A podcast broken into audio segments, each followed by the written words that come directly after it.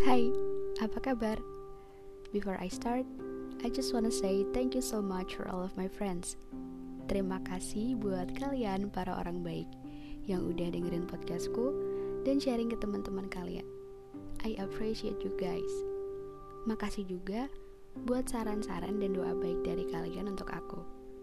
Yang udah kasih semangat buat kembangin podcast dan yang udah gak sabar buat request episode baru. Podcast kali ini masih dari aku.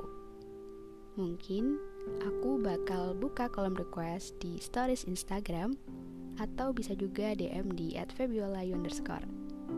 Kalian boleh request tema apa pun dan sertain juga alasannya. Kenapa aku harus pilih tema dari kalian? Oke, okay? good luck. Untuk podcast kali ini, aku bakal bawain satu topik sesuai judulnya yakni rehat. Pada suatu titik, terangmu menjadi gelap. Semua hampa, sebatas angan belaka. Ingin terus melangkah, takut terjatuh. Ingin putar balik, sudah tak mungkin tertempuh. Ingin menyerah, namun tetap saja tak akan menyelesaikan masalah. Mungkin sekarang kamu ngerasa salah jalan, hilang arah, dan ngerasa ini bukan kemauan kamu. Tapi percaya deh, akan tiba waktunya kamu pasti bilang, "Oh, ternyata ini maksudnya Tuhan."